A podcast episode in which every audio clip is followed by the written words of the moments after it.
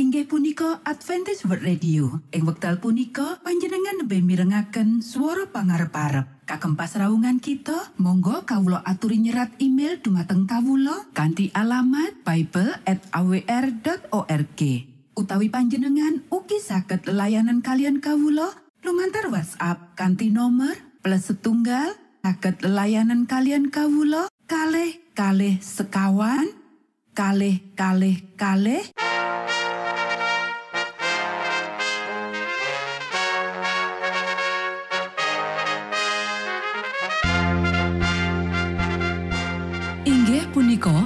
Adventist World Radio ingkang giaran kanti basa Jawi. Tentrem Rahayu kula aturaken kagem para mitra kinasih ing pundi papan lan panggonan. Sugeng pepanggian malih kalian Adventist World Radio. Kanti bingahing manah Kulo badhe sesarengan kalian para mitra kinasih lumantar saperangan adicara ingkang sampun rinonci mligi kagem panjenengan sami. Mugi giaran punika saged migunani tuwin dados berkah kagem kita sedaya. Sugeng midhangetaken Gusti amberkahi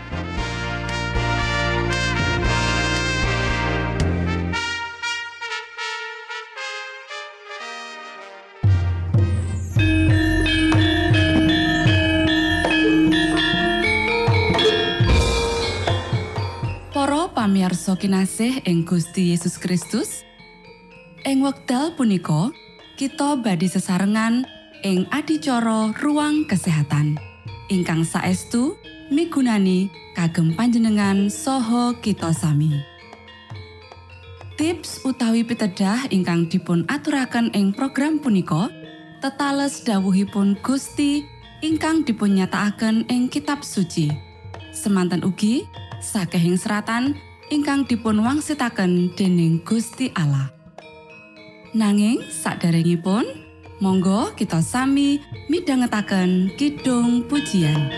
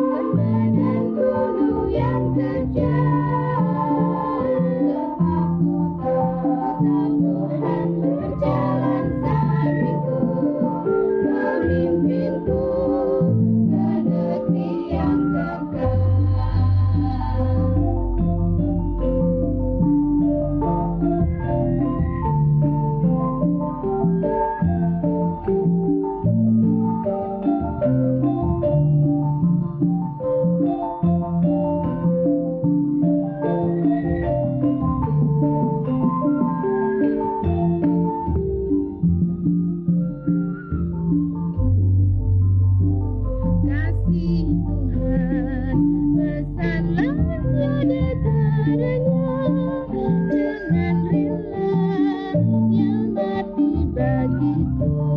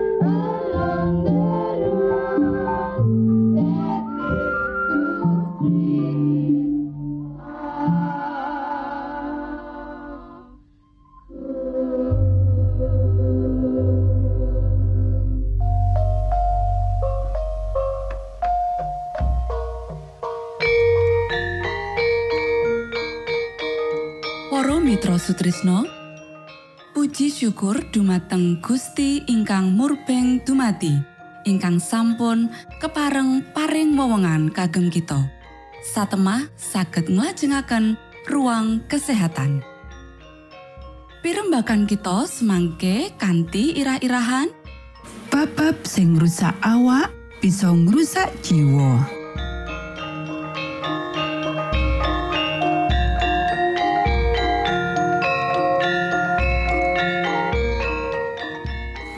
Dumateng para pamirsa ingkang dahat kinurmatan, sugeng pepanggihan malih kalian kula Isti Kurnaidi ing adicara ruang kesehatan. Ing dinten punika kanthi irah-irahan babab sing ngrusak awak bisa ngrusak jiwa. Para sedherek ingkang kinasih, sandangan sing ketat ora ndandani bentuk.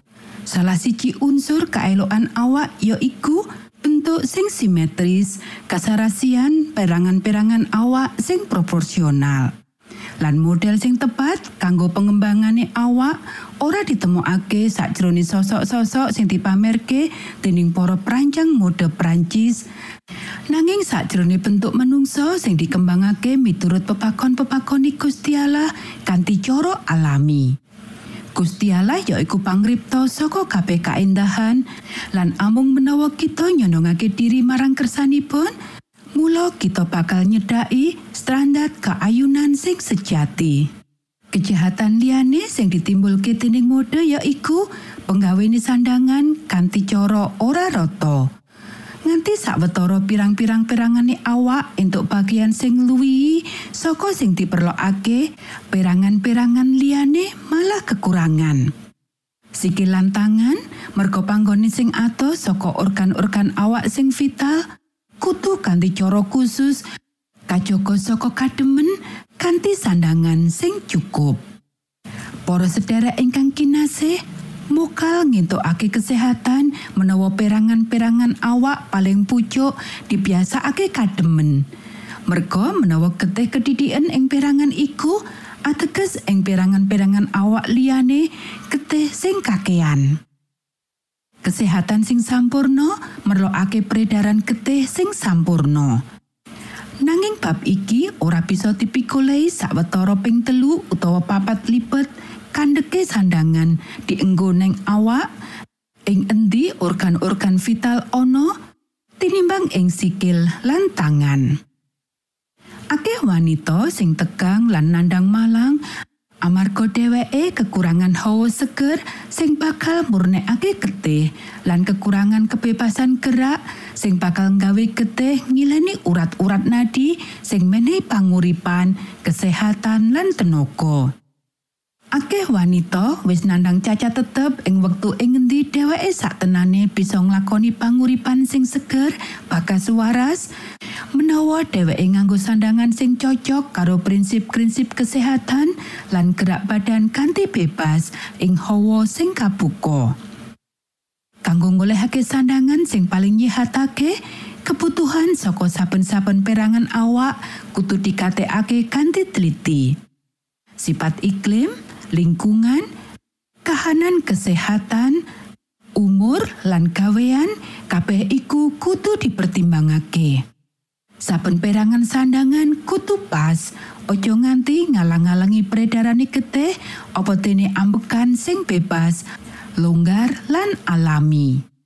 Apa wae sing dienggo kudune longgar, nganti yen keloro lengene diangkat, mula sandangan iku katut kaangkat uga.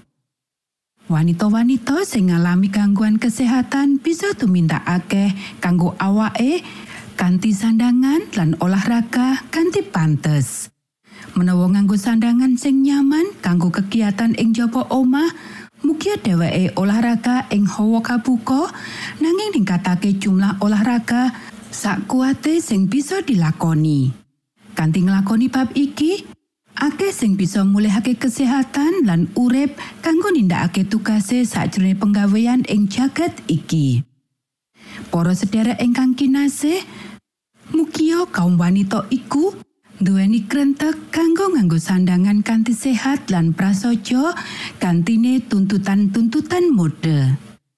Kantine imbles sakjroning urusan rumah tangga wae, mugia garwa lan ibu iku nggunakake wektu kanggo maca, ngambakake pangerteni, dadi kanca kanggo bojone, lan gatekake perkembangan pikirane anak-anake. Mugia dheweke nggunakake kanthi wicaksana wewengan-wewengan saiki sing dituweni kanggo mengaruhi wong-wong sing ditresnani demi panguripan sing luwih dhuwur. Mugia dheweke njupuk wektu kanggo dadekake juru wilujeng dadi kanca saben dina lan kanca sing akrab. Mugia dheweke nggunakake wektu kanggo sinau sabtanipun.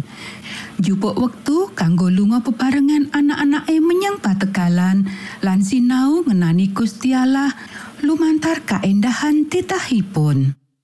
Mugia dheweke tetep gembira lan seger. Gantine ngentekake saben wektu kanthi pakaryan jahit sing ora tau leren iku, gawe yo swasana sore dadi wektu sosial sing nyenengake. Sawijining reuni keluarga, sakwise nyambut gawe sedina muput. Kanthi mangkono, akeh priya sing bakal dituntun kanggo milih srawungan ing bali omahe, disiki papan-papan rekreasi utawa hiburan. Akeh anak-anak lanang sing bakal kekendan saka dalanan lan warung-warung pojok. Akeh anak-anak wadon sing bakal dislametake saka sesrawungan ora karuan sing njrumusake. Pangribawa balik omah kanggo wong tua apa dene anak-anak bakal dadi kaya dene apa sing Gusti rancangake yaiku sawijining berkah sak umur uripe. Matur nuwun, Gusti amberkahi.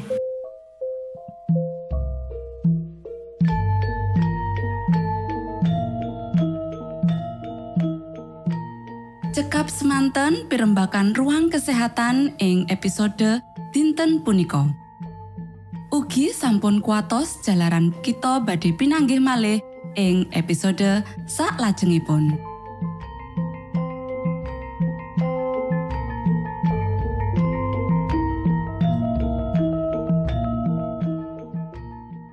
Inggih punika adicara ruang kesehatan. Menawi panjenengan gadah pitakenan utawi ngersakaken katrangan ingkang langkung, monggo kula aturi. Kinton email dateng alamat ejcawr at gmail.com utawi lumantar WhatsApp kanti nomor 085 pitu 00 songo songo papat 00 pitu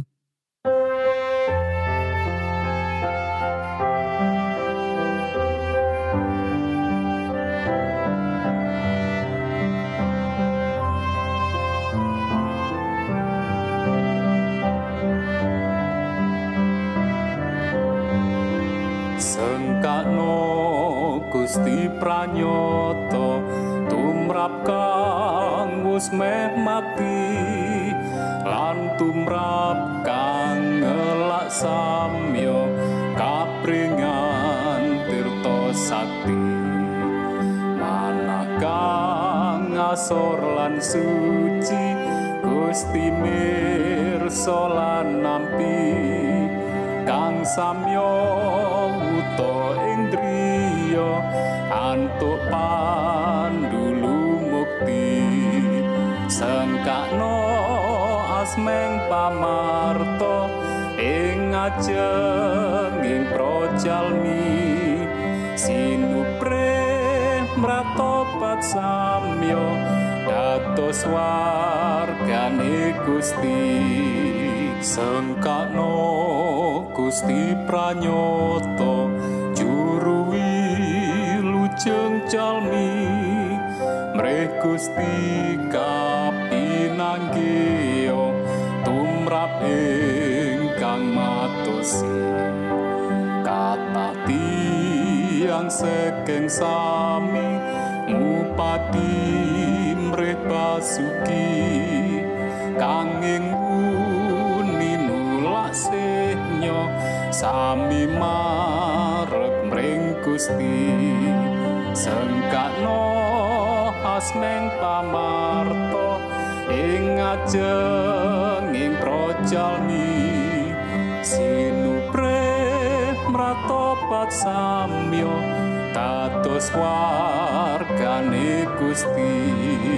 Sengkakno lan winartano putreng suci. Gusti panebus manungso tan wonten kang nandingi sampun rujatuh sojalmi dekorban nyokang ati. Saoso puji gustinyo juru wilujeng jati sengkakno asmeng pamarto ing ajenging projalmi. Sinupre mratobat samyo dados wargane Gusti. Sengkakno lan winartano putreng Allah kang suci Gusti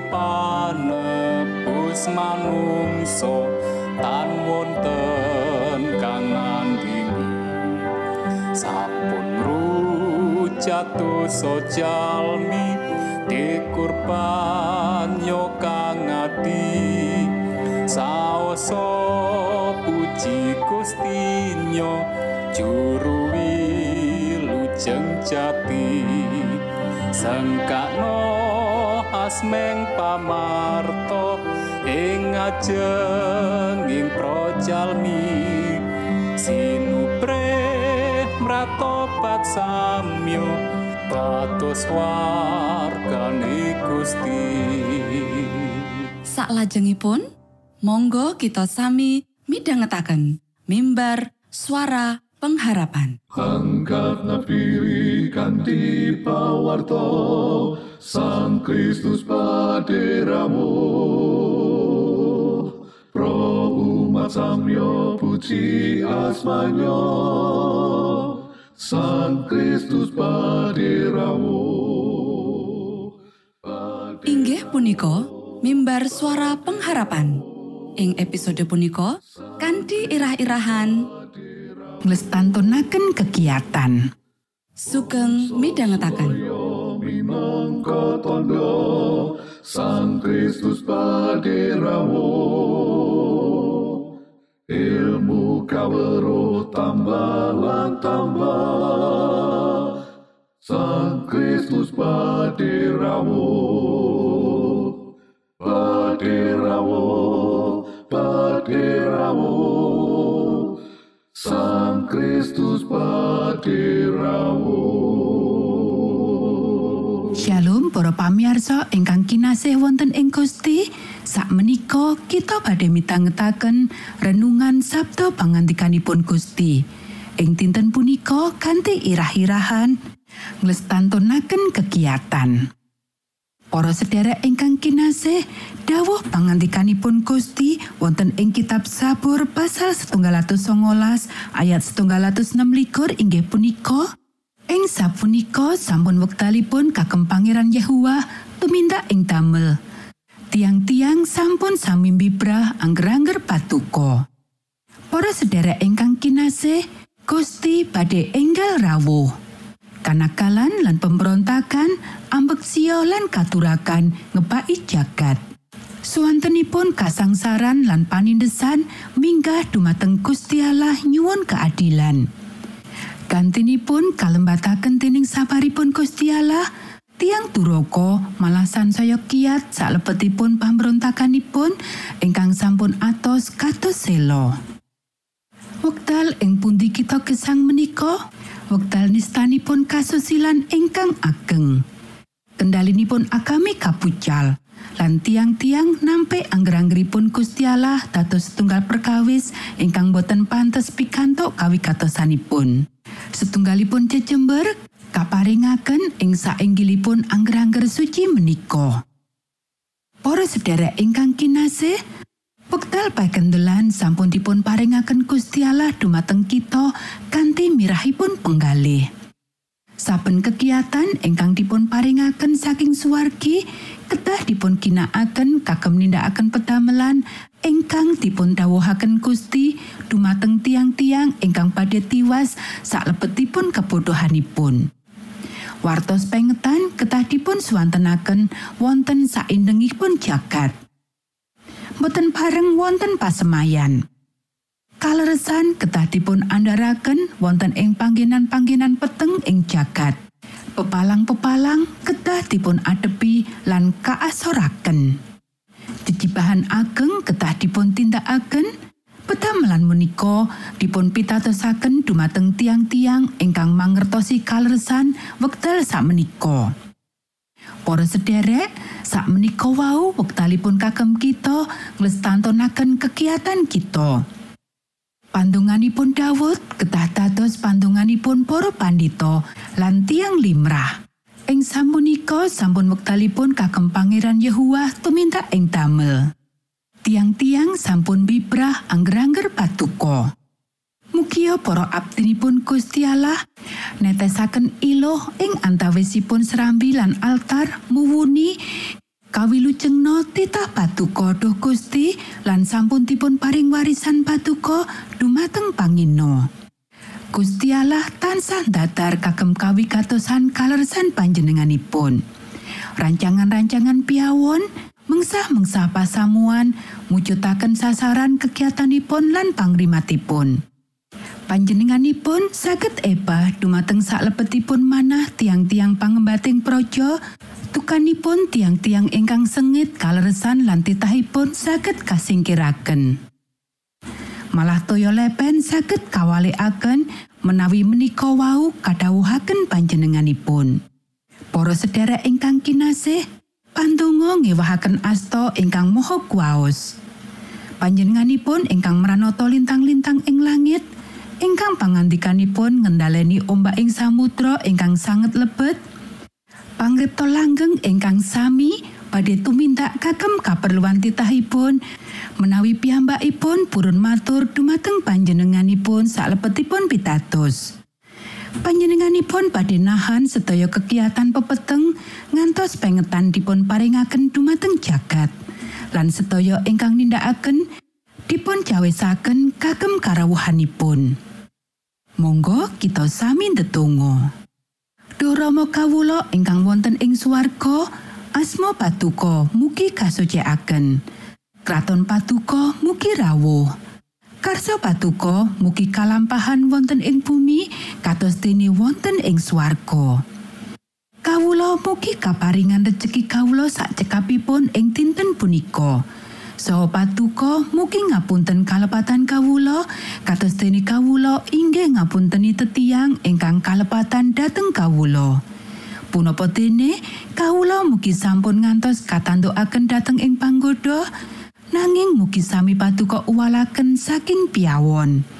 Awit dene patuko ingkang kagungan kraton saha wisesa tuwin kamulyan salami-laminipun. Amin.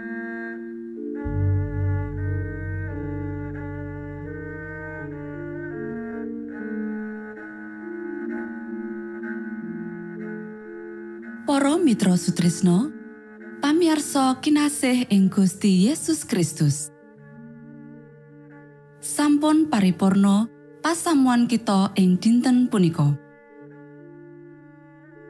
Menawi panjenengan gadah pitakenan utawi ngersakaken seri pelajaran Alkitab suara nubuatan, monggo kulo aturi kintun email dateng alamat ejcawr at gmail.com.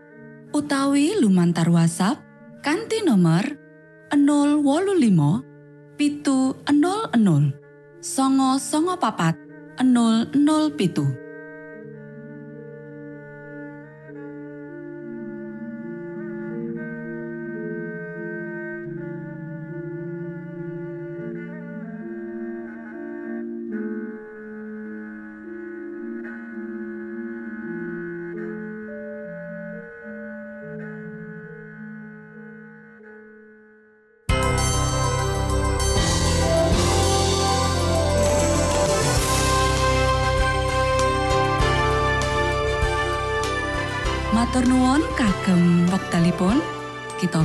pinanggih malih ing gelombang ugi wekdal ingkang sami. Saking studio kula ngaturaken tentrem rahayu. Gusti amberkahi kita sedaya. Maranatha.